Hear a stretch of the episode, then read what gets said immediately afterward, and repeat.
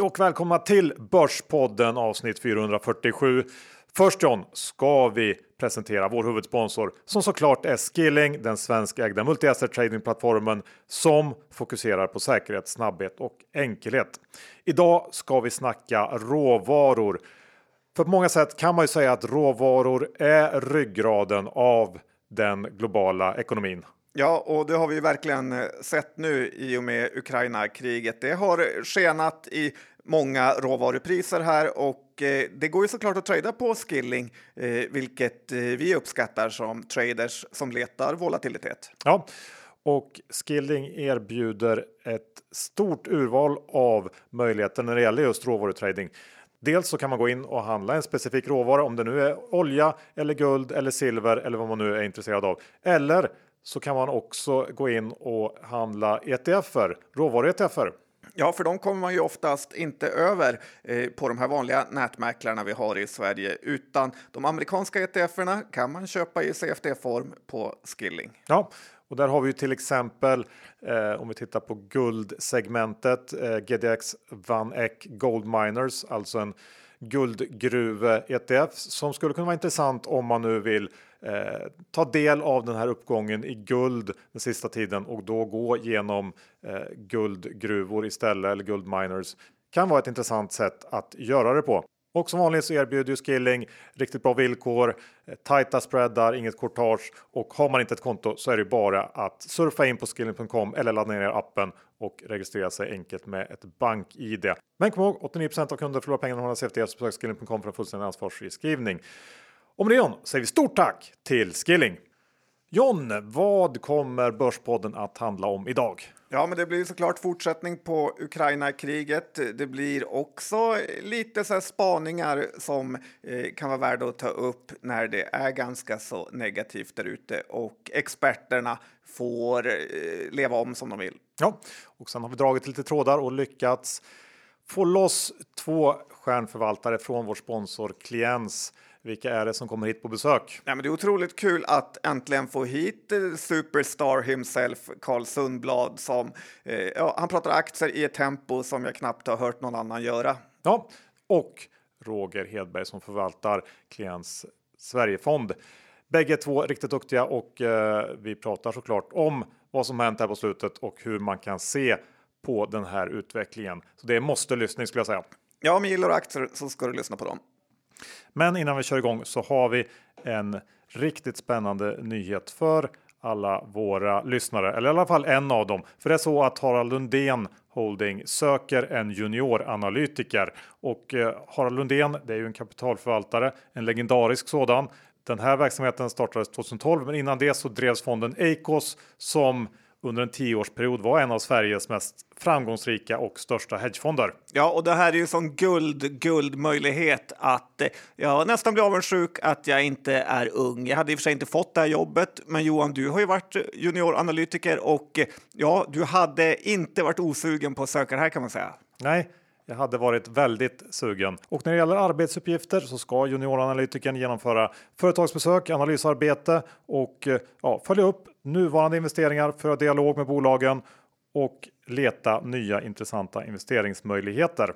Och när det kommer till profilen så ska man ha ett analytiskt sinne, vara väldigt aktieintresserad, ha goda akademiska betyg, vara högpresterande, noggrann och kunna arbeta självständigt. Dessutom så gissar vi att den sökanden kommer direkt från avslutande studier vid universitet eller högskola. Och om du tycker det här låter intressant eh, så kan du skicka in din ansökan med CV, personligt brev och betyg till alexander.vinberghlundén.se senast den 23 mars. Jag kan lägga ut den här annonsen också på Instagram så att man lätt kan se alla kontaktuppgifter.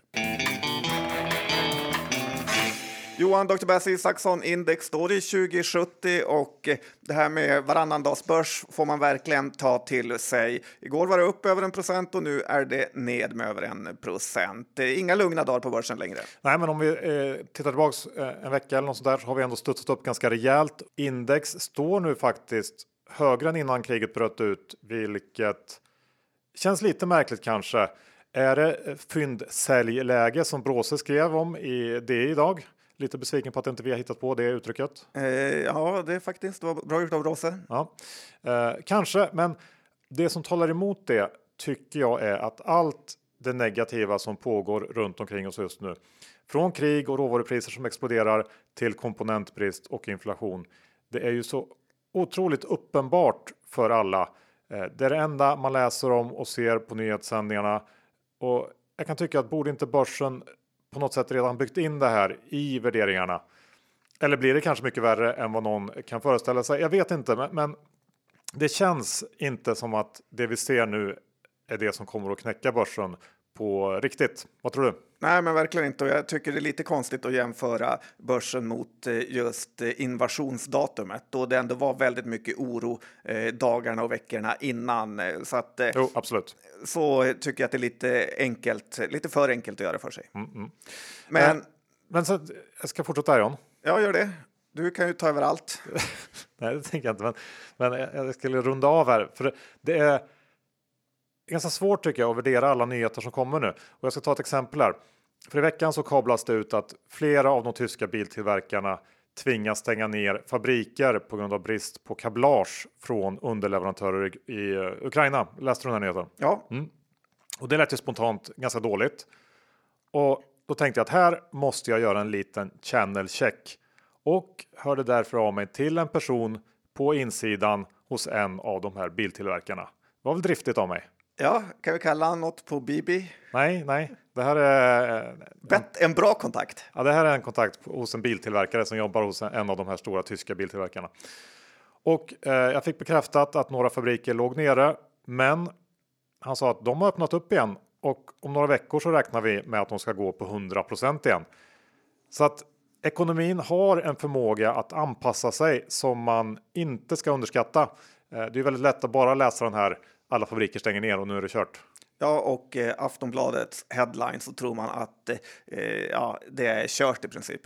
Så för den som då vill välja att se på saker lite mer positivt så är det ju också möjligt att vi har en enorm investeringsboom i ekonomin runt hörnet när alla supply chains ska ritas om och produktion blir mer lokal som en konsekvens av det som hänt här sista åren. Och det här pratar vi mer om eh, i intervjun med Karl och Roger. Men det finns eh, alltid två sidor av myntet så att säga. En sektor dock som trots lite gladare toner generellt här sista veckan har haft eh, det förtvivlat svårt att studsa. Det är ju tech. Tittar man på Nasdaq så tas det nya årslägsta noteringar på löpande band. Och jag börjar känna att om man tittar runt där så finns det många aktier som börjar se riktigt, riktigt billiga ut nu. Eh, så jag tycker ändå att det eh, kan vara värt att testa och dippköpa den här typen av eh, bolag nu. Ja, för många av techbolagen är ju numera household names som man använder varje dag. Så nästan fascinerande att de kan falla så mycket. Också sett att många kinesiska bolag verkligen har kollapsat på eh, den amerikanska börsen, bland annat Alibaba. Ja, det är ju lite självförvållat av kineserna i och för sig, men, men visst. Eh, men är allt förändrat eller inte John?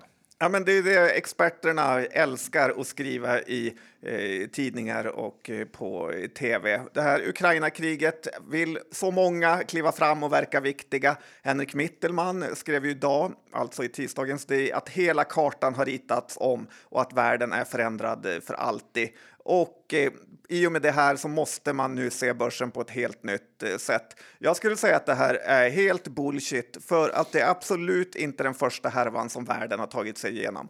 Tittar man bara sedan 90-talet, som inte är så länge sedan, så har det varit ofattbart många härvor. Kuwaitkriget, 90-talskrisen, räntan på 500 procent, IT-bubblan, 9-11, Afghanistankriget, nytt Irakkrig, finanskrisen, Georgienkrisen, Fukushima, Trump vann valet, det blev Brexit, det blev krig i Syrien och eh, ja, nu har vi det här och då har vi ändå inte tagit upp allt. Det Jag missade finns... förra Rysslandskrisen. Ja, Okej, okay, lägger till den också. Ja. Nej, men det är sådana otroliga problem hela tiden om man bara ska fokusera på dem. Men världen tuffar på ändå, för 8 miljarder människor kämpar på varje dag och kanske 98 procent av det här kämpet bara går till att överleva. Men det är ändå 2 procent som går till att göra världen lite bättre varje år. Eh, så att den som säger att världen är helt förändrad i och med det här, ja, man får ta det med en ganska stor nypa salt. En nypa salt. Ja, eh, du var på Mello i helgen. Ja, det var jag. En av min favoritsysselsättning. Eh, nej, men det är ganska skönt att Melodifestivalen nu är slut och eh, man slipper då läsa den här gamle Nordea-höjdaren Rodney Alvens live-kommentarer om varenda uppträdande på Facebook. Det har pågått nu i sex veckor och jag kan säga att hans tips om vilka som ska gå vidare har ofta varit totalt fel. I semifinalen så hade han alla fel, trodde på Lisa Miskovsky och lilla syster som såklart i princip eh, kom sist eh, där. Eh, och nu i finalen här så tippade han faktiskt helt rätt i någon typ av topp tre-lista eh, som han prickade in och då fick han i kommentarsfältet då frågor, eh, folk som frågade om han var synsk. Men den ödmjuka Rodney som haft fel om alla tidigare resultat svarade då att eh, man har ju en viss vana av att lägga prognoser. Och ja, då dog en del av mig faktiskt. För så här är det precis med allting, att eh, experterna har fel om det mesta, eh, men då är det otur och så har de rätt en gång och då anser sig de vara legender. Så att ja, jag tycker man verkligen ska sluta lyssna på experter. Ja, eh, du har helt klart poänger där. Eh, sen John, har jag några priser att dela ut den här veckan. Kul. Eh, ja, för, första priset, det går... Eh, Inom vilken kategori? Ja, det är lite olika, men vi börjar med eh, veckans insiders. Här kan du nog nästan gissa vilka det är. Truecaller kanske? Nej, även om de eh, skulle legat bra till också. Ferronordic? Nej, också bra, eh, legat bra till. Men här är det faktiskt, eh, det, då, det här priset går till i princip då alla insynsregistrerade personer på Saab. För efter sju svåra år har ju Saab-aktien äntligen börjat röra på sig. Och det här har insiders varit extremt snabba med att utnyttja. Det har regnat insiderförsäljningar från bolaget och jag är lite besviken här. Nu vill man ju ha känslan av att vi ska bygga upp ett starkt försvar i Sverige och Europa tillsammans och det får man inte av det här strömhoppssäljet. Eh, så att, ja, lite dålig eftersmak har jag. Nej, men jag har också noterat det för mig att vi har lagt ut det på Instagram också. Det är fruktansvärt eh, konstigt nästan att eh, insynspersonerna gör så här, verkligen vräker ut aktier när aktien för en gångs skull är upp och den är inte upp så otroligt mycket om man tittar innan corona så är det nästan på de nivåerna här. Så att, nej, stort minus till det gänget. Ja, och det där med innan corona. Eh, nu har ju de flesta bolag stängt gapet till corona Eh, Saab kom nerifrån upp och många andra bolag har gått uppifrån och ner. Och tittar man på många charts så är nästan alla tillbaks på eh, oförändrat mot innan corona. Det är lite eh, intressant hur det funkar. Eh, nästa pris John. Veckans eh, överraskning. Och det går till Avanza. För igår kom nyheten att Avanza ingått en avsiktsförklaring med Safello avseende eventuellt samarbete kring kryptotillgångar. Och det här såg jag inte komma måste jag säga. Hagströmer har ju varit en kryptobäsare av rang och att man nu har svängt och börjar undersöka möjligheten till direkthandel i krypto är väldigt positivt skulle jag säga. Inte bara för Avanza och deras kunder men också för krypto i Sverige generellt. Att ett bolag som Avanza tar det här steget sänder signaler och jag tror att fler kommer att följa. Och det är bra för det behövs någon slags motpol till resten av etablissemanget med den eh, hemska Erik Thedéen eh, i spetsen. Eh, någon som liksom kämpar emot lite grann och jobbar för krypto också. Vindkrafts-Erik. Ja, ja, men jag är faktiskt eh, nyhåsad till krypto eh, efter hela den här Rysslands-Ukraina-krisen eller kriget. För att något för det ändå med sig att man kan eh, flytta pengar så enkelt. Dessutom så tror jag att det är bra med mer reglering, att det kan eh, lyfta det här ytterligare en nivå. Och det är kul att det var saker på tåget. Ja, jag håller med. Eh, sen ska vi gå över till eh, satelliter. Ja, det tycker jag, för att det är ju verkligen på tapeten nu eh, när Elon Musk och hans bredbandssatellitbolag Starlink har ju fått otroligt mycket uppmärksamhet i media i och med att de har kunnat ge uppkoppling till Ukraina med sådana här eh, bredbandssatelliter. Och eh, jag tittat lite på Starlinks lösning som är ganska finurlig, att du köper typ en parabol för fem papp och så kostar det dig tusen kronor i månaden eh, så får du ett Eh, okej okay bredband. Absolut inget hot mot fiber skulle jag säga, för det är alldeles eh, för långsamt. Men tittar du på till exempel vad Ovzon kan erbjuda så är ju Starlink totalt eh, överlägset. Det här skulle jag nästan säga är en Ovzon-dödare faktiskt. Eh, när Starlink fortsätter att byggas ut mer så ser jag absolut ingen framtid för Ovzon, alltså det svenska bredbandssatellitbolaget, varken i pris, hastighet eller något annat. Och att konkurrera med Elon Musk är ju en ganska svår uppgift. Charlie Munger brukar ju säga att eh, man bara ska vara aktiv på marknaden med låg konkurrens. Och eh, ja, det är det verkligen inte om man har Elon Musk på andra sidan nätet. Nej, eh, så är det ju. Sen kanske man ska lägga in någon slags disclaimer för att du inte säkert att du har helt koll på alla tekniska detaljer hit och dit när det gäller de här typen av satelliter. Nej, men där har du någon eh, poäng och eh, lite skulle ju andra sidan av myntet som eh, du gillar att säga Johan. Är det du som kom på det? Nej, det är det inte. Nej, okay. Eh, så är det ju faktiskt så att det är ju en positiv grej att eh, det blir vanligare och något som folk vill använda mer när det är sån här satellitbredband. John, jag har ett eh, avslutande pris den här veckan och det här är ett pris som man absolut inte vill ha. Det är veckans redovisningstrixare.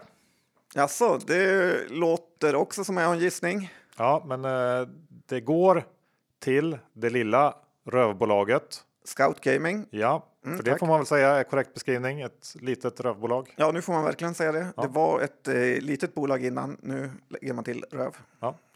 Eh, de håller då på med DFS lösningar, alltså Daily Fantasy Sports. Och det här bolaget håsades upp till hiskliga nivåer under pandemin, men har väl egentligen aldrig levererat några siffror som helst att tala om. Och i samband med Q4 som släpptes här i veckan framkom det att man på grund av tidigare felaktigt redovisade kostnader tvingats ta en smäll på 18 miljoner under Q4. Eh, den här aktien var uppe kring 60 kronor, strax över eh, under pandemin, men är nu nere runt 6-7 kronor och jag ser ingen som helst anledning till att försöka bottenfiska här, utan det här är eh, ingenting att ha. Nej, man tyckte väl lite det redan när man såg bolaget och eh, fascinerades över den här enorma uppgången. Så att nej, det är bra att göra hemläxan och köpa riktiga bolag. Det brukar löna sig i längden. Ja, på tal om riktiga bolag. Har du några sådana eh, på lager så här? Ja, men faktiskt. Jag hittat två bolag eh, inom en sektor som jag tycker är ganska intressant, eh, som ändå är värda att nämna, som har gått ganska dåligt efter eh, rapportperioden. Det ena är bolaget Bull som väl är lite av Cellavisions lillebror som kom med en väldigt fin rapport eh, men har sedan rapporten kom blivit helt mosad av att eh, någon aktör på Nordea bara vräker ut aktier i ett ganska illikvitt eh, bolag. Visst så har ju Bull lite Östeuropa-exponering och eh, det är oklart hur mycket av det som är Ryssland eller man kommer tappa. Eh, men Bull handlar ju mycket om USA också och att man nu efter covid kommer komma tillbaka med annan testning här eh, som Bull har då sålt instrument till och så tjänar man eller cashar in då på de här eh, testerna. Det är P14 enligt Introduce på de här nivåerna och jag tycker det känns ganska billigt och har eh, köpt en hel del aktier där nu faktiskt, även lurat in Börspodden portföljen. Ja, men jag har också faktiskt köpt lite Bull. Jag håller med dig där.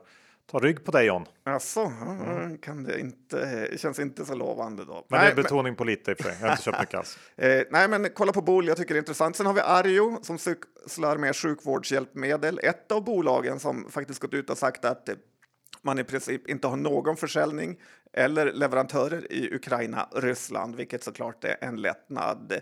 Eh, vi har också sett massiva insynsköp här och eh, det här är ju en sektor, alltså sjukvårdshjälpmedel, som borde klara sig ganska bra. Eh, såklart omöjligt att säga vad stigande råvarupriser och fraktkostnader och så vidare kommer göra. Men i grunden är det här ett väldigt fint bolag som har framtiden för sig, men som blivit eh, stenhårt behandlad av börsen senaste tiden. Det var förmodligen övervärderat på 120 och ja, kanske mer rimligt värderat här på 80 spänn.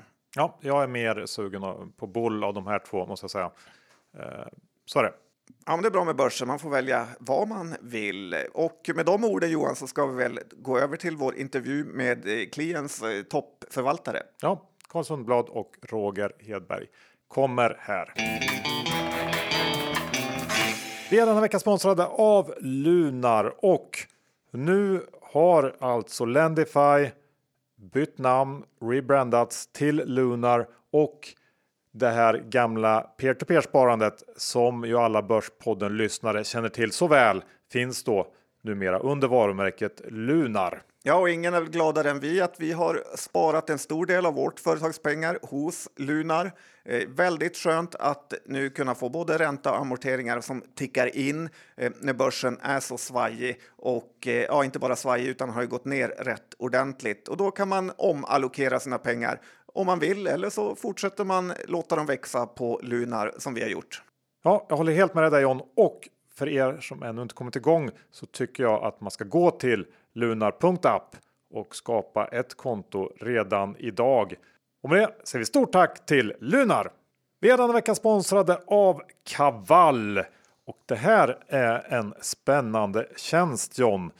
Kaval kortfattat är din lokala matbutik som levererar mat varor hem till din dörr på 10 minuter. Och man kan använda appen för att klicka hem till exempel en frukost till dörren utan att lämna sängen.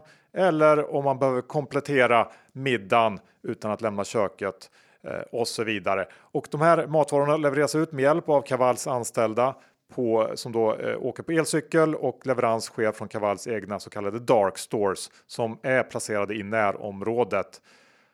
Och idag så levererar Kaval i Stockholm, Göteborg och Malmös innerstad. Men de växer snabbt och utökar antalet butiker löpande. Och hur är det med sortimentet John? Ja, men det är väldigt, eh, väldigt bra.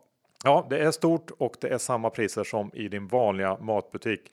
Och Kaval har öppet alla dagar mellan 07 och 23. Och vi har testat det här eh, John. Vi beställde lite grejer till kontoret Ja, och jag måste säga att eh, det var nästan som en eh, chock för mig över att eh, typ overklighetskänsla får jag säga. Ja, det är verkligen matvaror till dörren inom 10 minuter. Det är inte bara någonting de säger, utan det gick fruktansvärt snabbt och vi tycker att man ska testa det här. Så ladda ner Kavall-appen och använd koden Börspodden 50 i ett ord. Då får du 50 kronor i rabatt på dina fyra första köp när du handlar för över 200 kronor. Eh, leveransen kostar 19 kronor och det här gäller fram till 9 april. Så testa det här. Koden alltså Börspodden 50 och appen heter Kaval. Vi säger stort tack till Kaval. Då säger vi välkomna till Karl Sundblad och Roger Hedberg från Kliens. Tack så mycket. Tack så mycket. Kul att ha er här. Och jag tänker att först av allt så börjar vi med att ni får eh, kort presentera er själva så att lyssnarna har koll på vilka ni är. Absolut. Karl Sundblad, du är ju en stjärna numera, så börjar du. Ja, tackar för det. Eh, nej, men Karl Sundblad heter jag. Eh, jag förvaltar Kliens småbolagsfond och Kliens microcap till vardags. Eh, det har jag gjort i snart sex år. Småbolagsfonden, microcapfonden startade vi för ett år sedan drygt. Dessförinnan har jag varit på SEB och jobbat med samma saker egentligen. Eh, förvaltat tillsammans med en kollega där småbolag, svenska, nordiska, finska och även microcap-fond. Hur gammal är du? 37. Jag fyllde faktiskt år igår så jag var tvungen att tänka efter. ja, grattis i ja, efterskott. Tack. Roger, berätta lite om dig.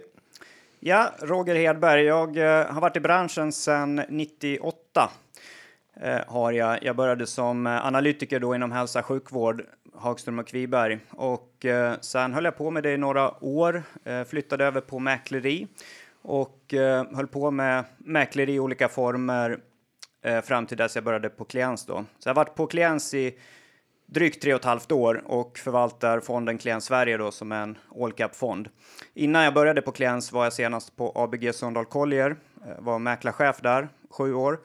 Var jag på ABG och eh, innan ABG på Carnegie i nio år, hade samma roll där, var ansvarig för aktiemäkleriet.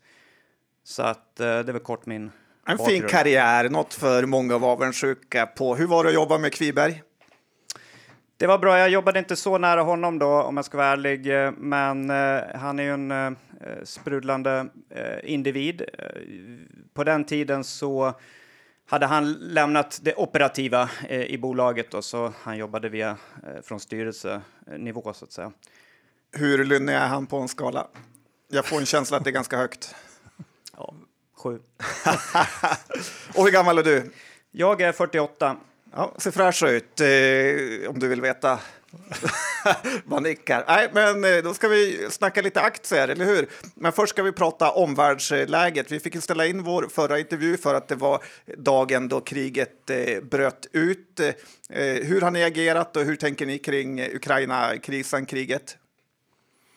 Ja, men den, den, har väl lite grann, när vi gick in i det här året så hade vi ju tre parallella oroshärdar lite grann som börsen var orolig för. Vi hade en ny eh, coronamutation, omikron, som vi ganska snabbt ändå förstod att det här är klart bättre än vad vi haft tidigare och skulle kunna vara början till en lösning på det eländet. Och det är vi ju i allt väsentligt klara med, även om det kommer nya utbrott i Kina just nu så, så är vi för, för svensk del i allt väsentligt klara med, med det. Så det har vi bockat av som börs då. Och sen hade vi oro för inflation och stigande räntor som en konsekvens av det. Är vi väl inte riktigt klara med, men har i alla fall eh, hamnat lite bakom den nya uppkomna oron då för, för kriget i Ukraina som såklart har, har tagit över hela eh, scenen nu och, och eh, ja, hela nyhetssändningarna går åt till det fortfarande. Så att det är klart att det är utöver att det är ett humanitärt trauma och, och fruktansvärt på, på, många sätt och så har det ju medfört en massa konsekvenser för, för börsen eh, på ett sätt som vi inte hade kunnat förutse i början av året då med kraftigt stigande priser på, på energi. Vi hade problem under förra året med logistikkedjor som inte fungerade och komponentbrist och, och det får vi förmodligen en till vända med i år då, fast eh, lite andra typer av komponenter. Eh, olja och, och, och, bensin och diesel i, i förlängningen är ju någonting som drabbar eh, konsumenter och bolag i, i, många led. Så fort du ska transportera någonting så, så eh, får du känna på det nya dieselpriset så att säga. Och, och det drabbar bönderna och det drabbar industrin. Så att det, det är klart eh, den största utmaningen i år såklart. Men hur gör man som fondförvaltarteam då när det händer det här? Sätter man sig ner på någon typ av krishantering och har någon plan för det? Eller vad gjorde ni? Vi har väl eh, agerat eh, successivt. Det är en successiv process. Eh, det här är ju någonting som har varit oförutsägbart. härifrån får man ju fundera nu över hur tror man världsbilden ska se ut när vi kommer ur den här situationen. Jag tror det finns några trender som börjar utkristallisera sig redan nu som kommer ske oavsett utgången av Ukraina situationen. Energipriserna pekade Karl på. Jag tror ju att eh, oavsett vi får en lyckosam lösning på Ukraina eller inte så kommer energipriser bestå på en hög nivå. Eh, inte på peaknivåer som vi har nu kanske, men eh, eftersom vi vill dra ner på inköp av gas och olja från öst framåt och vi ska börja investera i alternativa eh, energikällor i ännu högre utsträckning så kommer det driva eh, energipriser. Det kommer i sig då eh, urholka konsumenters köpkraft, vinstmarginaler i bolag och sen kommer vissa bolag då ha förmåga att, att kompensera sig för det. Andra kommer inte ha det. Men de höga energipriserna tror jag man får leva med ett tag till.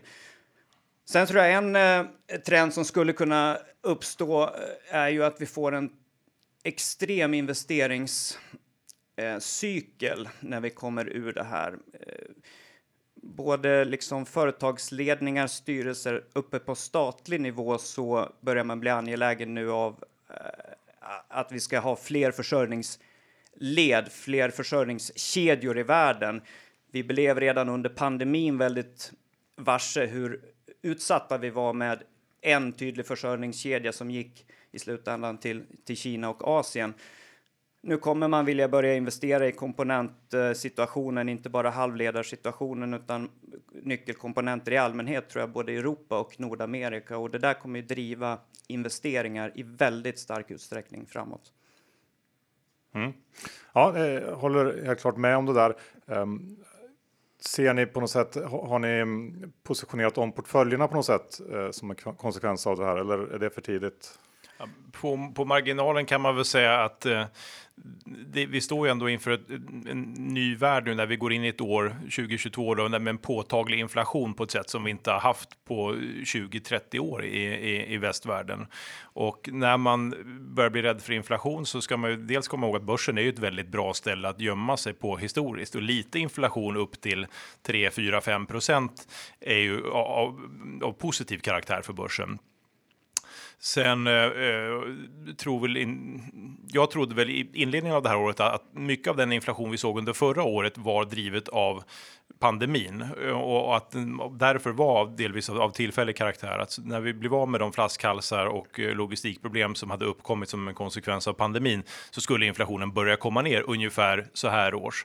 Eh, sen står vi inför ett helt nytt eh, ny situation nu med, med, kriget i Ukraina som gör att vi förmodligen kommer att eh, eh ha en klart högre inflation framöver och då blir man ju mer bekymrad över när man får tillbaka pengarna som investerare. Det vill säga, du vill inte köpa bolag med allt för hög multipel och du vill definitivt ha bolag som, som har vinster. Så det är väl det stora. Sen har det alltid varit någonting vi har investerat i överhuvudtaget. Jag har inga bolag som förlorar pengar, men, men eh, bolag som vi tittar på värderingsmultiplar på EV sales 10 och uppåt är förmodligen sånt som kommer vara mindre i ropet i ett inflationsklimat när det blir mer mån om att få tillbaka pengarna snabbt. Och lite tänker jag att det är ungefär som Warren Buffett brukar säga att det är viktigt med pricing power i den här, här typen av inflationsklimat. Bolag som kan höja priserna. Ja, det kommer vara helt avgörande för att eh, inflationen kommer som sagt eh, ligga kvar på en lite högre nivå, definitivt högre än vad vi hade innan pandemin när vi kommer ur det här. Och eh, de bolag som kan flytta sina högre kostnader framåt i led, de kommer vara vinnare. Så att pricing power är otroligt viktigt och något eh, vi fokuserar mycket på. Sen om jag ska komma tillbaks till förra frågan där i, i mitt fall och eh, vad man har gjort till portföljen så jag eh, gjorde en del eh, förändringar under andra halvåret och framförallt mot slutet av förra året i portföljen där jag tyckte att värderingar hade sprungit iväg väldigt mycket. Så jag plockade hem en del vinster i en del bolag som hade utvecklats starkt. Jag tyckte det började bli lite dyrt. Eh, det har ju då gett utrymme att börja återinvestera i de bolagen, för det var bolag som jag vill ha i portföljen långsiktigt, kvalitetsföretag som nu har blivit, eh, tycker jag, attraktiva igen. Så att eh, nu kan man ju använda den här korrektionen att komma tillbaks i en del av, eh, av de eh, bolagen då. Så det är väl en sak som jag har börjat göra. Sen har jag plockat in något nytt innehav. Nordnet är nytt i portföljen eh, som har kommit in under korrektionen här. Jag har köpt lite mer Novo Nordisk eh, som eh, ju hjälper till lite med defensiva kvaliteter till portföljen. Så att en del eh, nytt har kommit in, men framför allt har jag börjat liksom återinvestera i en del eh, bolag där jag plockade hem eh, vinster och minskade innehaven i slutet på förra året. Okej, okay. hur är det med kunderna? Era kunder, eh, vill de, har ni sett stora utflöden av eh, eh pengar eller köper folk eh, aktier och fonder nu när det har blivit billigare om man säger så? För oss är det relativt neutralt på flödesfronten. Våra, vi har en stor andel kunder som i sig har ett långsiktigt investeringsperspektiv. Så de har faktiskt suttit eh, relativt lugnt i båten så här långt. För är det annars inte en rätt jobbig grej som fondförvaltare att när man egentligen vill köpa aktier för att de är billigare så eh, plockar folk ut pengar och då tvingas man eh, sälja? För jag antar att man är relativt fullinvesterad som en fond hela tiden. Ja, det är nog en vanlig uppfattning att det är, är så, men, men vi ser det väldigt sällan. Det är otroligt sällan, om ens någonsin, som jag har varit verkligen tvungen att sälja någonting för att det åker ut pengar. Vi, som Roger sa så har vi, vi framförallt institutionellt kapital, men vi finns ju på de flesta plattformar också och där ser vi ju om det kommer in eller går ut pengar.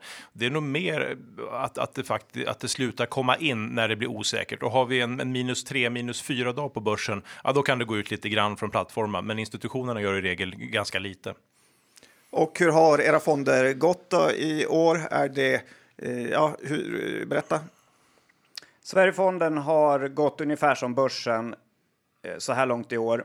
Och det är jag ju inte nöjd med såklart. Man vill alltid gå bättre än börs. Men eh, om inte vi hade tagit de där besluten i slutet på förra året och minskat en del i de innehav som hade gått oerhört starkt förra året så, så hade avkastningen i år varit klart sämre. Så jag tycker ändå att är okej okay nöjd med att vi tog de besluten så att vi nu har möjlighet att uh, gasa lite när, när läget känns rätt här i korrektionen. Karl, då försvarar du din stjärnstatus? Jag hoppas det. Min microcap-fond har gått ett par procent bättre än sitt jämförelseindex och småbolagsfonden är marginellt efter idag.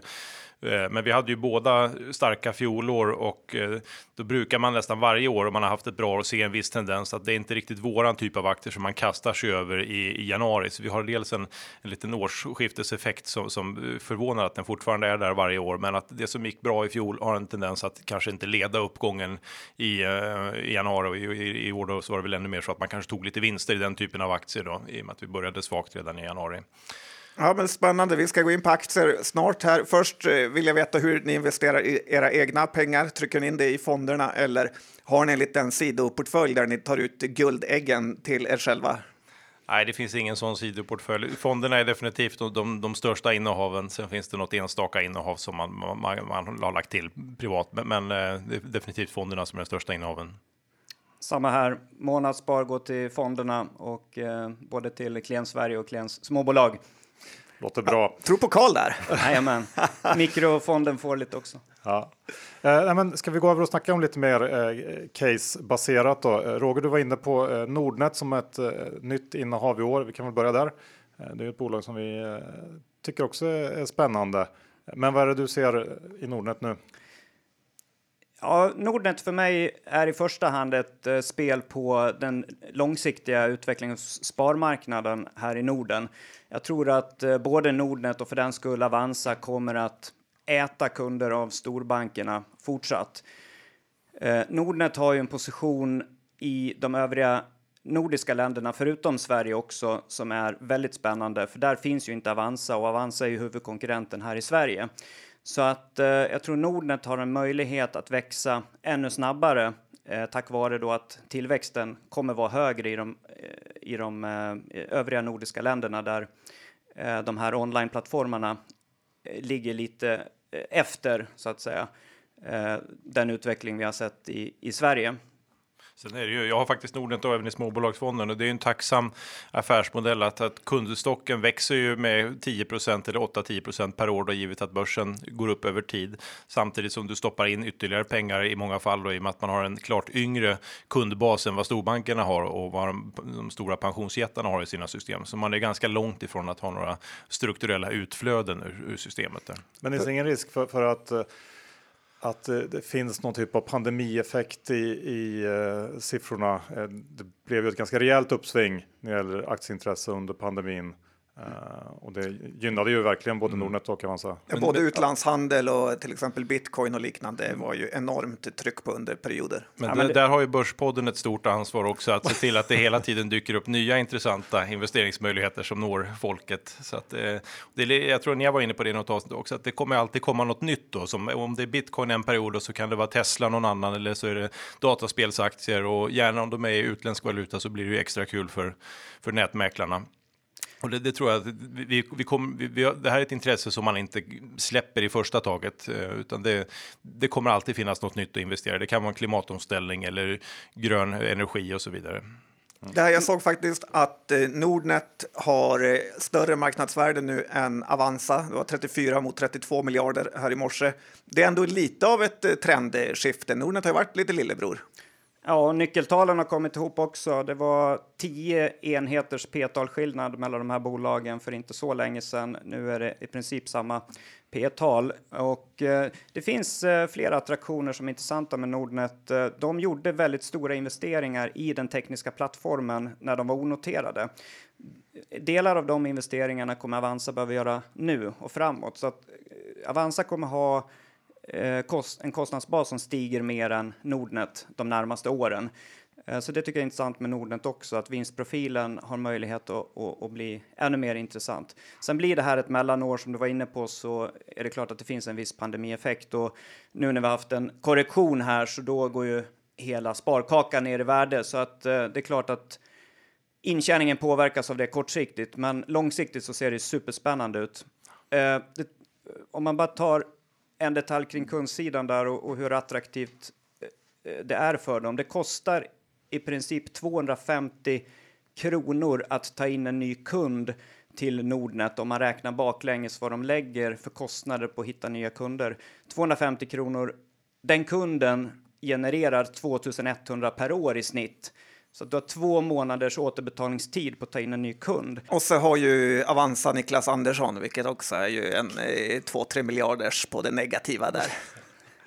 Det var, det var du som sa det. Ja, men en annan grej eh, som ju man eh, kommer till när man tittar på Avanza Nordnet är det här med fond, fondavgifterna och, och, att det finns någon slags tryck neråt där och, och det finns poppar upp aktörer som eh, fokuserar på, på att sänka de här avgifterna.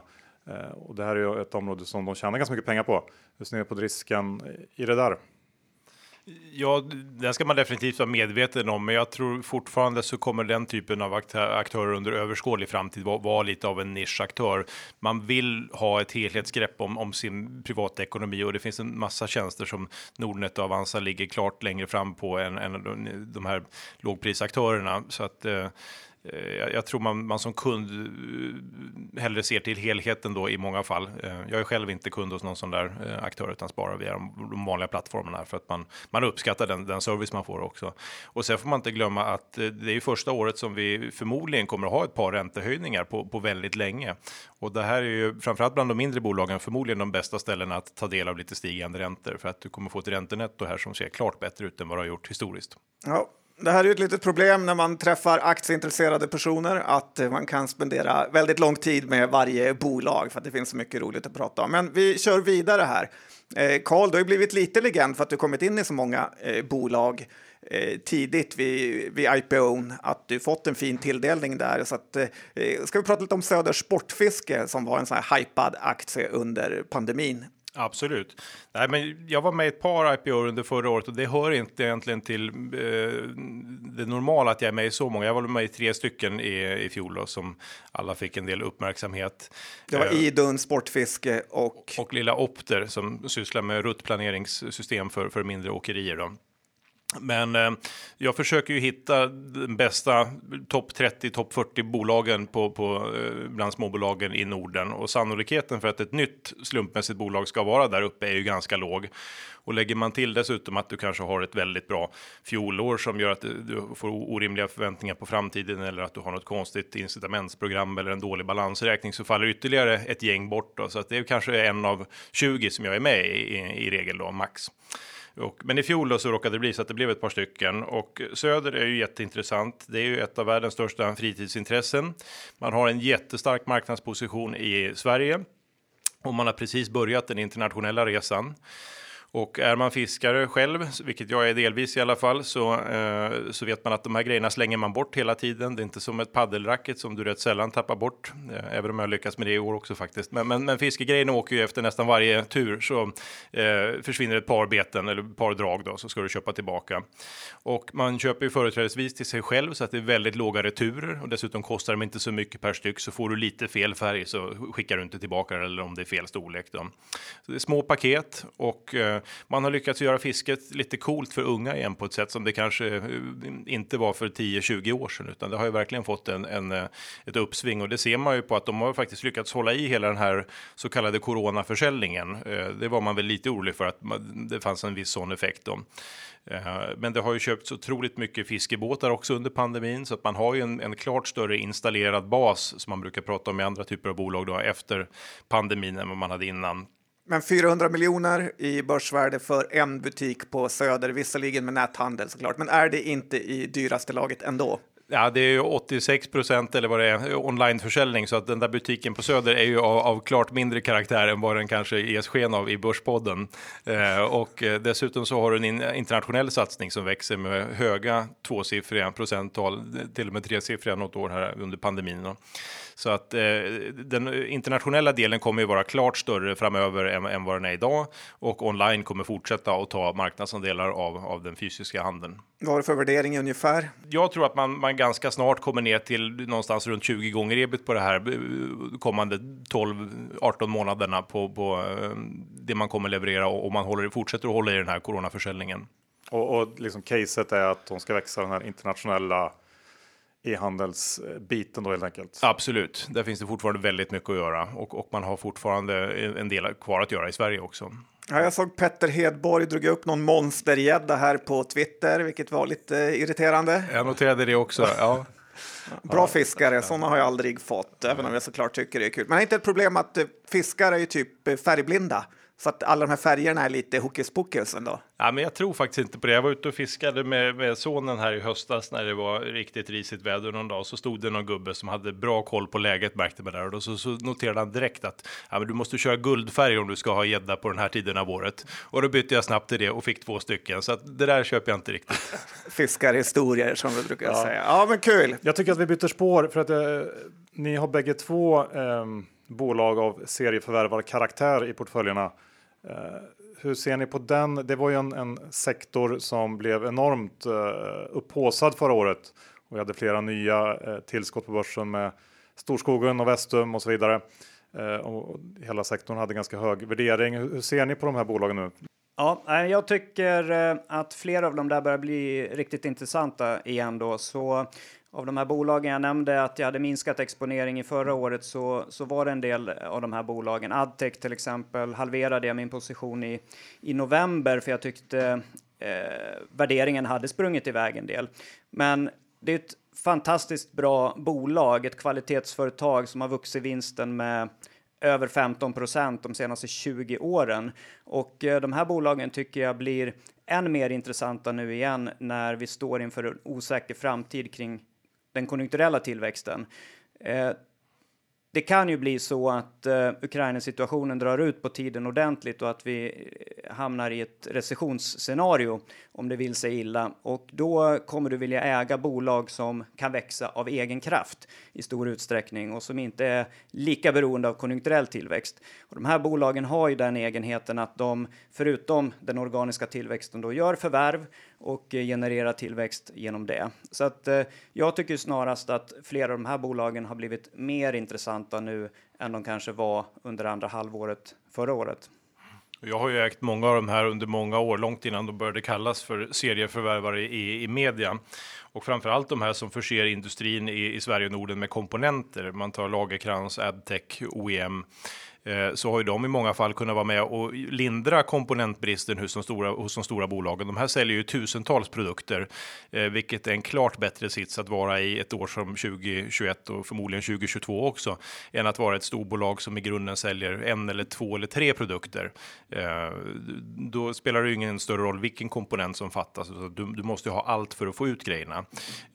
De här teknik och industrihandlarna har ju varit väldigt duktiga på att, att managera och, och och reda ut den här komponentbristen på ett bra sätt. Och eh, dessutom har de historiskt sett en väldigt bra förmåga att, eh, att kompensera sig för, för stigande priser på, på inköpen också. Man har det som vi kallade pricing power alldeles nyss då, i stor utsträckning. Men, men, är det då om man ska dela upp de här i lite subgrupper, de här lite mer ja, teknikhandelsförvärvarna som ni tycker är intressanta för att det har ju även kommit in, in serieförvärvare som verkar köpa alla möjliga olika saker eh, väldigt brett.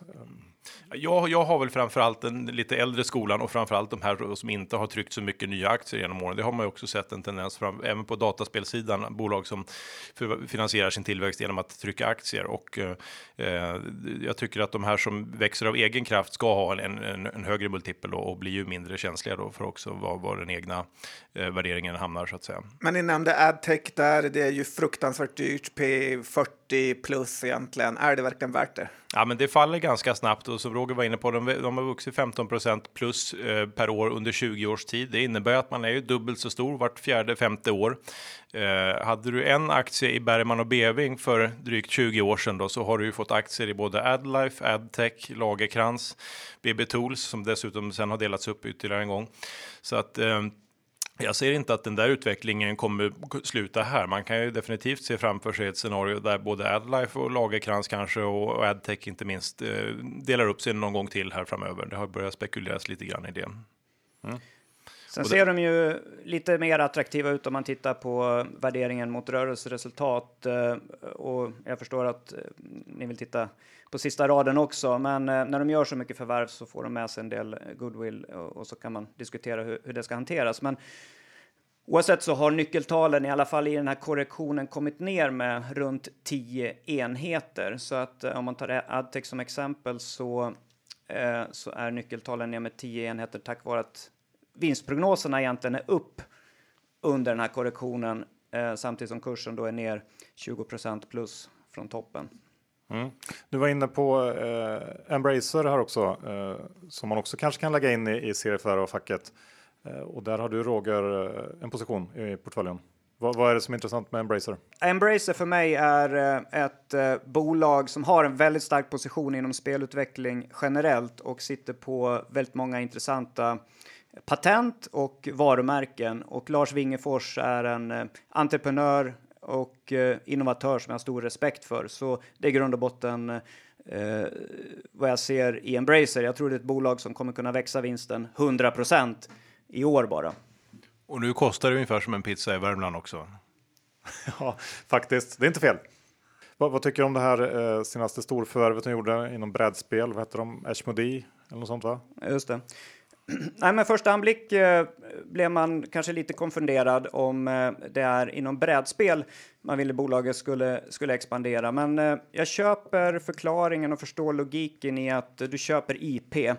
Eh, så du köper möjligheter att eh, eh, utveckla nya online-spel med hjälp av de IPn som eh, Asmodee har med sig. Då.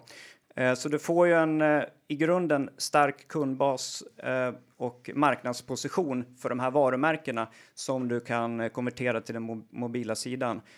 Så där tycker jag att de har gjort ändå ett intressant strategiskt mm. förvärv. Vi, vi, har pratat en del här på kontoret om den här typen av bolag, de här lite mer digitala nöjesbolagen, både dataspel och, och gambling. Att, eh, man har ju fördelen här att, att eh, det inte krävs några direkta insatsvaror och man drabbas ju inte av alla de här stigande råvarupriserna och allt vad det är. Men hur tror ni att ehm, eh, den här eh, spänningen som, som konsumenterna eh, har, hur den står sig på den här typen av produkter? Kommer, det att, kommer de att, att klara sig bra eller eh, ja, har ni någon take på det? Långsiktigt tror jag att eh, det kommer stå sig väl. Det är klart att det har funnits nu en, en viss covid-boost här av att folk har suttit hemma i, i, större utsträckning. Men, men spel är ju ett nöje som går lite parallellt med idrott eller andra stora nöjesformer för unga. Så att eh, jag tror inte att eh, den utvecklingen kommer dö av att vi börjar öppna upp samhället igen. Det är lite beroendeframkallande är det, det är därför man är nästan rädd att eh, börja själv. Men Karl, du som kan allt, eh, vi, vi, är inte klara med serieförvärvare. Idun, har du, har du tittat något på Technion? Jag och Johan bråkar ganska mycket om det. Ja, inte mer än genom Börspodden, så jag har väl hygglig koll genom vad jag har lärt mig här. Men Idun då, säg några snabba ord om dem, för det tycker jag ändå är ett intressant bolag om man går in på deras hemsida och kollar vilka underbolag de har eller dotterbolag. Absolut, Nej, men de har gjort ett par förvärv i år. De är väl inte de snabbaste förvärvarna. Sen blev det ju en. Eh, man kom ju till börsen med ett uppenbart väldigt attraktivt pris. Man var ju klart eh, lägre värderad än, än den sämsta serieförvärvaren eh, enligt eh, P-gruppen. Jag ska inte säga vilken det var, men eh, eh man var ett par enheter under den då och det gick man ju ganska snabbt förbi. Eh, och sen är det ett fantastiskt gäng bakom. Det, det är ju, man investerar ju i en, i en kultur och i, i en, en, ledningsgrupp där som har haft en, eh, ett fantastiskt affärsmannaskap genom åren. Då. Så att, eh, det, det är de man tar rygg på i, i ganska stor utsträckning samtidigt som det finns utrymme att, att förädla den befintliga, eh, de befintliga bolagen. Man äger fortfarande en hel del fastigheter och så vidare i bolagen också, vilket man, man eh, lätt missar om man tittar bara till värderingen på bolaget. Då. Vad har du typ för värdering där? För det är lite känt som ett jättedyrt bolag. Ja, men där får man rensa för lite fastigheter och så. Så att det, även där så tycker jag man ska fokusera mer på vad, vad kan det här bolaget tänkas vara om, om fem, sex år? Och jag har inga problem att se att det här kan vara dubbelt så stort om fem, sex år. Och, och det är egentligen den multipeln som är det mest intressanta. Då, då, så jobbar jag egentligen i alla bolag jag tittar på. Att jag, jag försöker skapa mig en bild av vad kan det här vara om, om fem, sex år? Och vad kan man få betalt för det då? Och då ser jag gärna att det ska finnas en 12 12-15 procent eller mer per år då, över, över en femårsperiod. Och där är jag definitivt i, i dun. Men number crunchar du mycket då via Excel-ark eller är det lite mer magkänsla och titta på ledningen och sånt? Nej, men definitivt via Excel-ark, men, men på en ganska, av en ganska enkel karaktär ändå. Det, det handlar om att försöka skapa sig en bild av ungefär var kan bolagen tänkas vara. Eh, och det gör att man också söker sig till de här bolagen som är lite mer förutsägbara. För det tycker jag också att man, eh, man ger inte alla bolag cred för hur förutsägbara vara med i sin tillväxt. Eh, alltid jämfört med ett SAS som man inte har någon aning om vart de kommer vara om fem sex år, för vi har ingen aning om vad oljepriset är och skatter och, och konjunktur och så vidare. Men att Adtech eller Adlife eller Vitec ska fortsätta att förvärva ett par bolag per år det kan vi vara ganska säkra på och i grunden är många av de där industrierna ganska eh, ocykliska och i det fall de är cykliska så finns det ofta något annat som tar ut den effekten. Att, ja, men jag eh, gillar lite att du har eh, Vitec, Umeåbolaget i portföljen, de som mest var kända för att drifta Hemnet va, på gamla goda. Ja, de har ju varit väldigt starka i sitt system gentemot fastighetsmäklare. Eh, precis, så att eh, om du är med i en budgivning på en lägenhet eller ett hus så är det ofta ett Vitec-system bakom där. Och vad säger du om det bolaget? Fortfarande bra? Absolut. Nu är det ju definitivt Umeås bästa börsbolag efter att Hybricon har lämnat. Lite spydigheter här hela tiden känner jag. Nej då.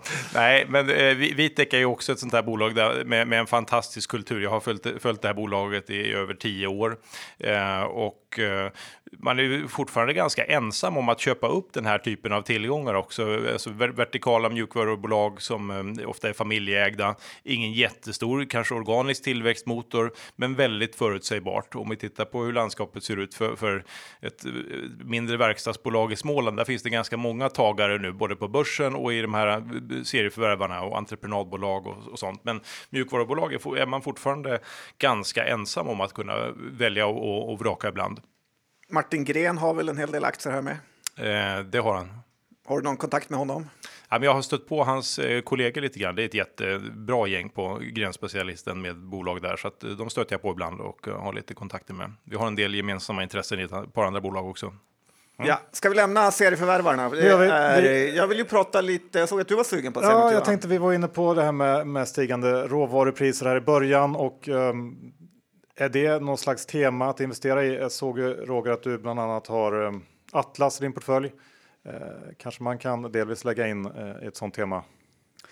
Ja, de eh, tenderar att gynnas av alla möjliga trender. Det där är ju ett kvalitetsbolag av Guds nåde som har vuxit dubbelt så mycket som industriproduktionen över lång, lång tid. Råvarupriser kan ju tendera att driva en del investeringar i allmänhet så att, eh, eh, så att det är ju någonting i sig då som gynnar Atlas Copco. Men jag äger Atlas Copco egentligen för eh, en bredare exponering än bara råvarudrivna investeringar. Utan allmän industrikonjunktur som är bra, är bra för Atlas. Sen har de ju vakuumpumpområdet som drivs av framförallt nu halvledarinvesteringar och eh, investeringar i annan tillverkningskapacitet där eh, ren eh, miljö är väldigt, eh, väldigt viktig. Då. Så att eh, eh, Ja, nej, men Atlas, det finns många intressanta drivkrafter till, till att äga man, Atlas. Ska man se det som någon slags så här deglobaliseringsspel på något sätt? Om, om det nu, vi har en framtid där allt mer produktion blir lokal Eh, och det ska investeras i det, då, då skulle Atlas kunna vara vinnare på, på den typen av utveckling helt enkelt. Absolut. Får vi en, eh, en tilltagande investeringsdriven eh, eh, cykel så kommer Atlas definitivt att, att vara vinnare på det.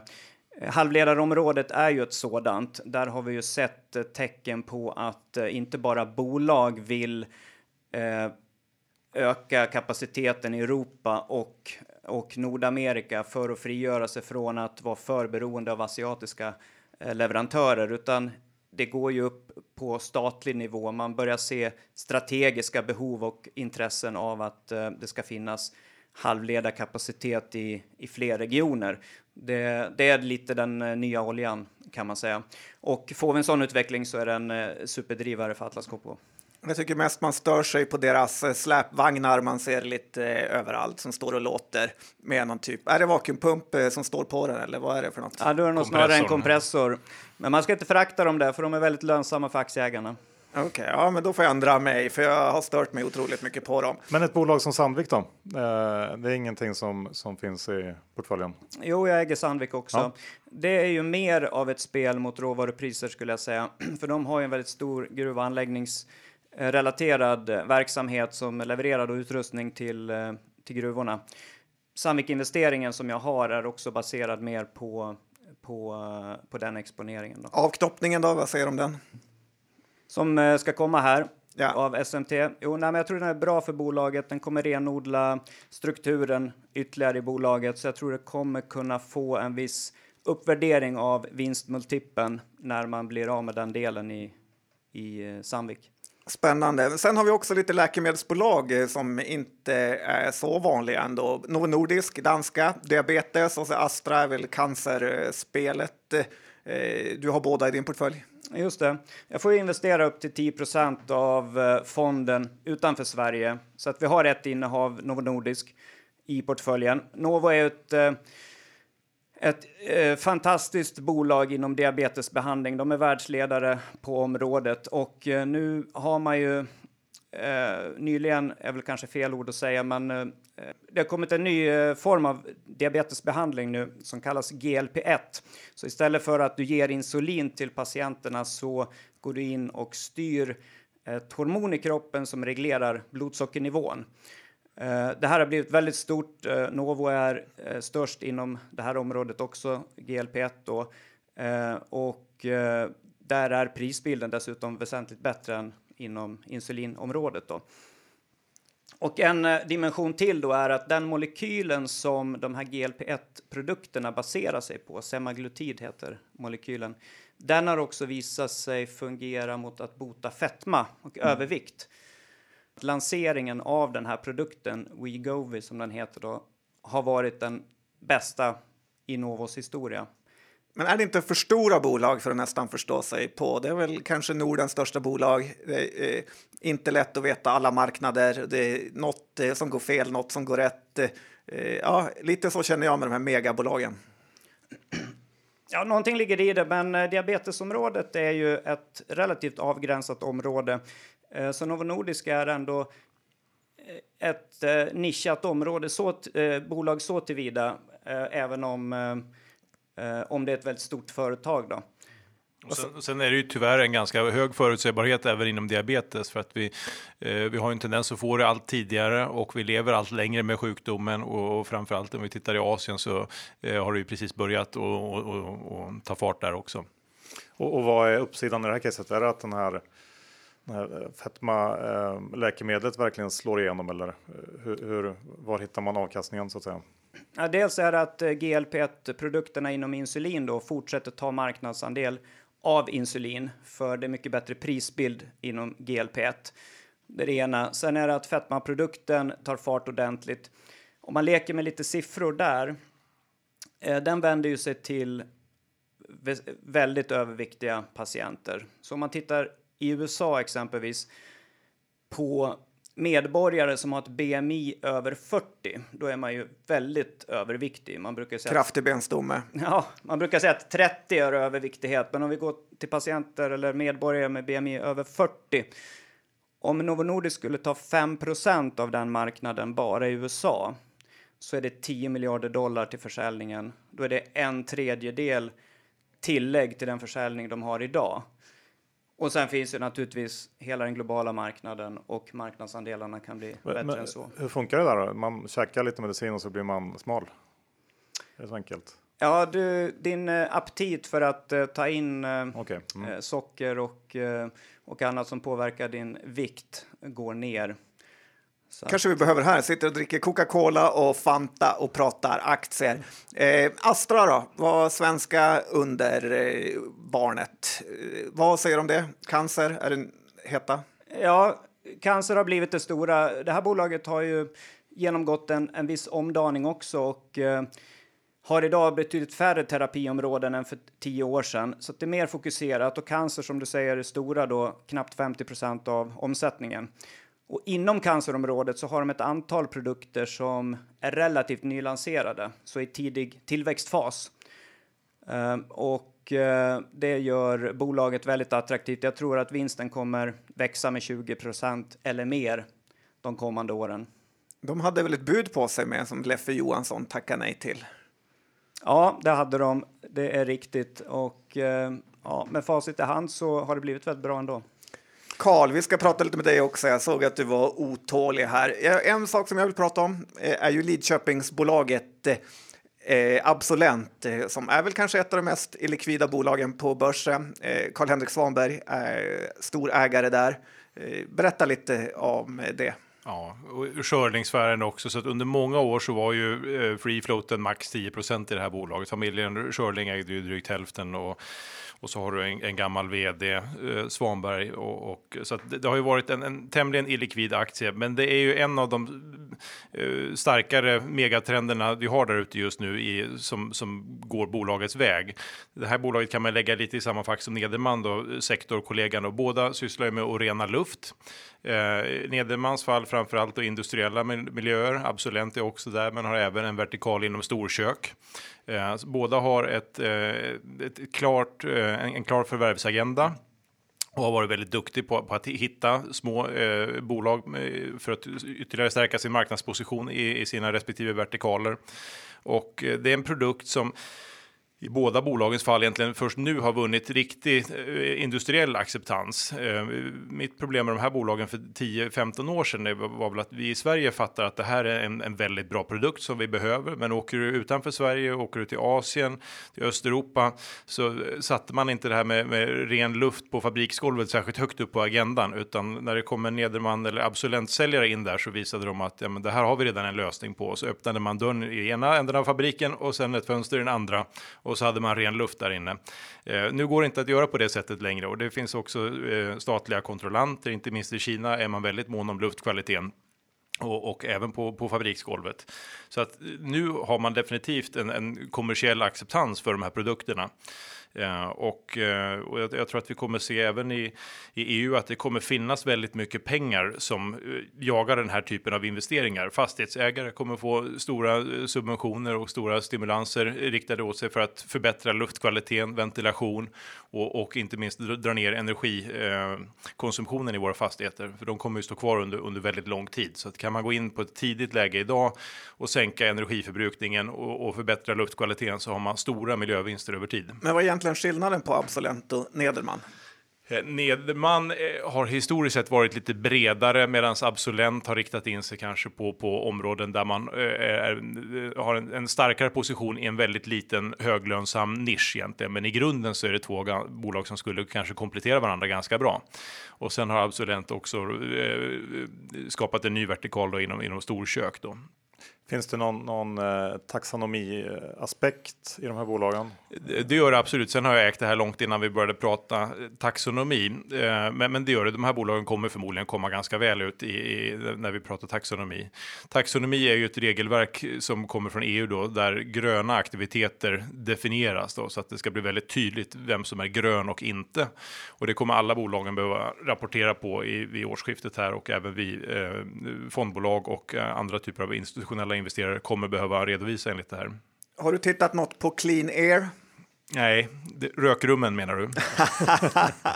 ja, precis. Ja, nej, de gillar också ren luft. Ja, de gillar också ren luft. Ja, nej, tyvärr, det är inget för mig. Jag tänkte att vi, vi, eh, ska prata om något bolag också som inte har noterats än och då vet jag att du Karl är ju ankare i IPO Combined X eh, som är på väg in snart, eller hur är det på börsen? Precis. Eh, det sägs att det ska vara på väg här i slutet på mars månad i år. Relativt ensam nu på som ny notering, inte så många som... Nej, precis. Nej, det, det här är ju eh, en, en, process som påbörjades ju innan kriget i, i Ryssland och Ukraina, eller Ukraina ska jag säga. Men eh, det är ett bolag eh, som består av en, det är en familj av nischade it-konsulter. Eh, man har en förvärvsagenda och ska fortsätta köpa den här typen av nischade konsultbolag. De har överlag en, en klart bättre lönsamhet än, än it-konsulter i stort. Det är inte ovanligt att man tjänar både 15 och 20 procents marginal i den här eh, typen av nischade verksamheter. Man har en bra vd i Jörgen Kvist som kom från DGC för ett antal år sedan. Det är bolaget som blev utköpt, någon typ av bredband. Ja, precis. Och, eh, och även här så, så uh, har man ju starka uh, strukturella trender med sig, digitalisering. Man har en, en högt ställd målsättning att man ska omsätta en miljard om ett par år och är det så att man når upp till den här genomsnittliga Eh, lönsamheten i, i branschen då bland nischade it-konsulter då så, så borde man kunna tjäna 150 miljoner eller mer då om man kommer till börsen med ett marknadsvärde på drygt 600 miljoner kronor då. Så att eh, eh, blir det som bolaget har tänkt sig så skulle det här kunna bli riktigt bra på ett par års sikt. Jag läste att Affärsvärlden hade väl någon typ av gul inte teckna här. Vad säger du om den analysen? Jag har faktiskt inte läst den. Jag har gjort en annan analys. Och eh, Martin Gren också med här såg jag. Ja, precis. Och Edastra, eh, ett bekant bolag för Börspodden-lyssnarna, Robert Aldins investmentbolag, som har Christian Hellman som var en av de absolut bästa analytikerna i marknaden då, som har blivit vd där. Du kommer inte få jobb där bara för att det säger så. Nej, jag tror inte det. Ja, men eh, roligt. Roger blir avundsjuk på att eh, Karl får så många propåer från eh, bolag som kommer på börsen. Eh, lite svårare på de här storbolagslistorna, inte lika ofta. Ja, nej precis. De stora bolagen kommer sällan till börs när de väl har blivit stora. Utan, eh, nej, jag får eh, haka på. Jag tittar ju också en del på mindre bolag då, så att eh, fonden investerar både stora och små bolag. Vad är det Och, minsta bolaget du har i väskan? Det är nog CTEC nu. Apropå IPOs då. Ja, det här elbilsladdarna. Exakt. Lite dyrt, eller? Ja, det är lite som eh, vissa andra bolag vi har pratat om här idag. Då. Det är ett bolag som har en eh, väldigt spännande framtid framför sig eh, och som kanske inte och som är svår att värdera idag. Eh, elbilsladdarna utgör idag ungefär 18 procent av omsättningen. Det var 13 procent för ett år sedan. Så att den delen växer ju så det knakar. Och eh, det här är ett bolag som kommer växa vinsten förmodligen 50 procent i år, 50 procent nästa år. Och allt eftersom den här EV-delen då växer som andel av bolaget totalt sett så, så, så kommer de vä- växa i värderingskostymen också. En sak som jag tycker det är kul att fråga fondförvaltare är vilket bolag man sålde och köpte senast. Har ni några trades ni har gjort sista tiden? Senaste bolaget jag köpte det var mer aktier i Adtech då. Eh, som sagt, där halverade jag innehavet i november. Nu har jag köpt tillbaks samtliga aktier i Adtech. Har du en aktiemäklare eller sitter du och klickar själv? Jag använder mäklare mest. Karl? Ja, jag använder också mäklare. Jag har också mer fyllt på i, i, i sånt man redan äger. Eh, jag tror att det finns en tendens när det är lite oroligt i omvärlden att man söker sig lite hemåt. Så att ha mer omsättning i Sverige, Norden känns tryggt. Att ha en högre grad av förutsägbarhet eh, känns också bra. Eh, jag hade lite generationsväxling under förra året i, i fonden där jag har sålt av ett antal innehav som, eh, som har blivit lite väl stora. Så att under, under förra året har jag sålt hela innehaven i Lifco, eh, Indutrade och Sagax som alla har funnits med sedan start då, i, i drygt fem år. Hur är det att vara fondförvaltare? Lever man med sin portfölj, uppdaterar den flera gånger om dagen och så? Eh, Hur gör ni?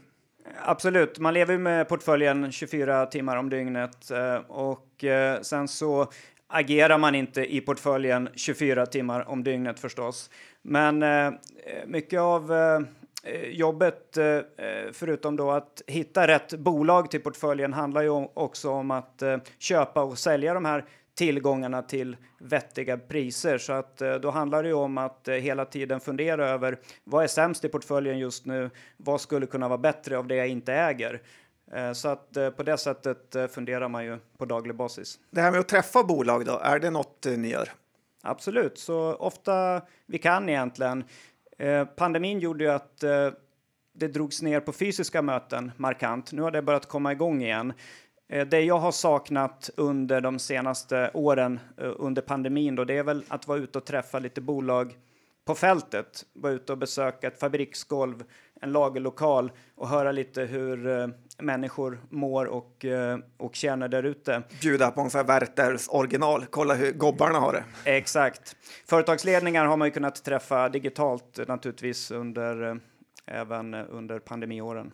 Måste bara fråga Karl, hur är det? Det här med att släcker du och tänder lampan på klientskontoret? Eh, Mycket snack kring det. Jag kan dementera det. Det har nog nästan aldrig hänt tror jag. Ibland har jag tänkt att du släcker lampan trots att folk är kvar. Att eh, vid 15.00 drar du och släcker lampan så ropar de Karl, vi får... Mer av den karaktären, ja.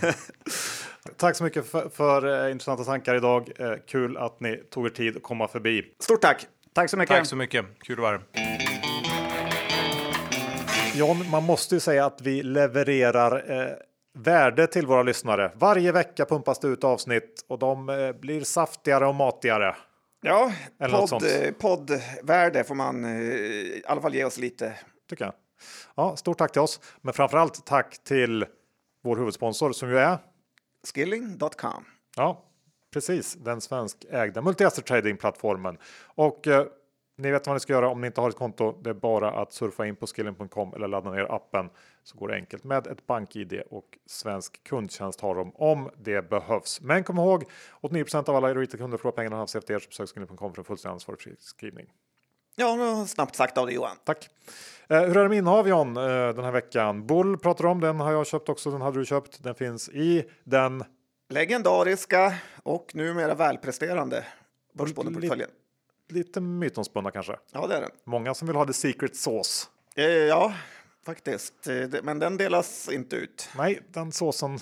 Håller du för dig själv. Ja. Och det är också en del ganska glada för. Ja. Eh, bra, var det något mer bolag? Ja, jag har Avanza faktiskt och jag har även Arjo. Så Arjo. snart har jag en liten skvätt i varenda börsbolag. Härligt. Med det så tackar vi för oss. Eh, hoppas på att det blir en fin vecka så hörs vi nästa onsdag igen. Hej då! Det gör vi. Hej då!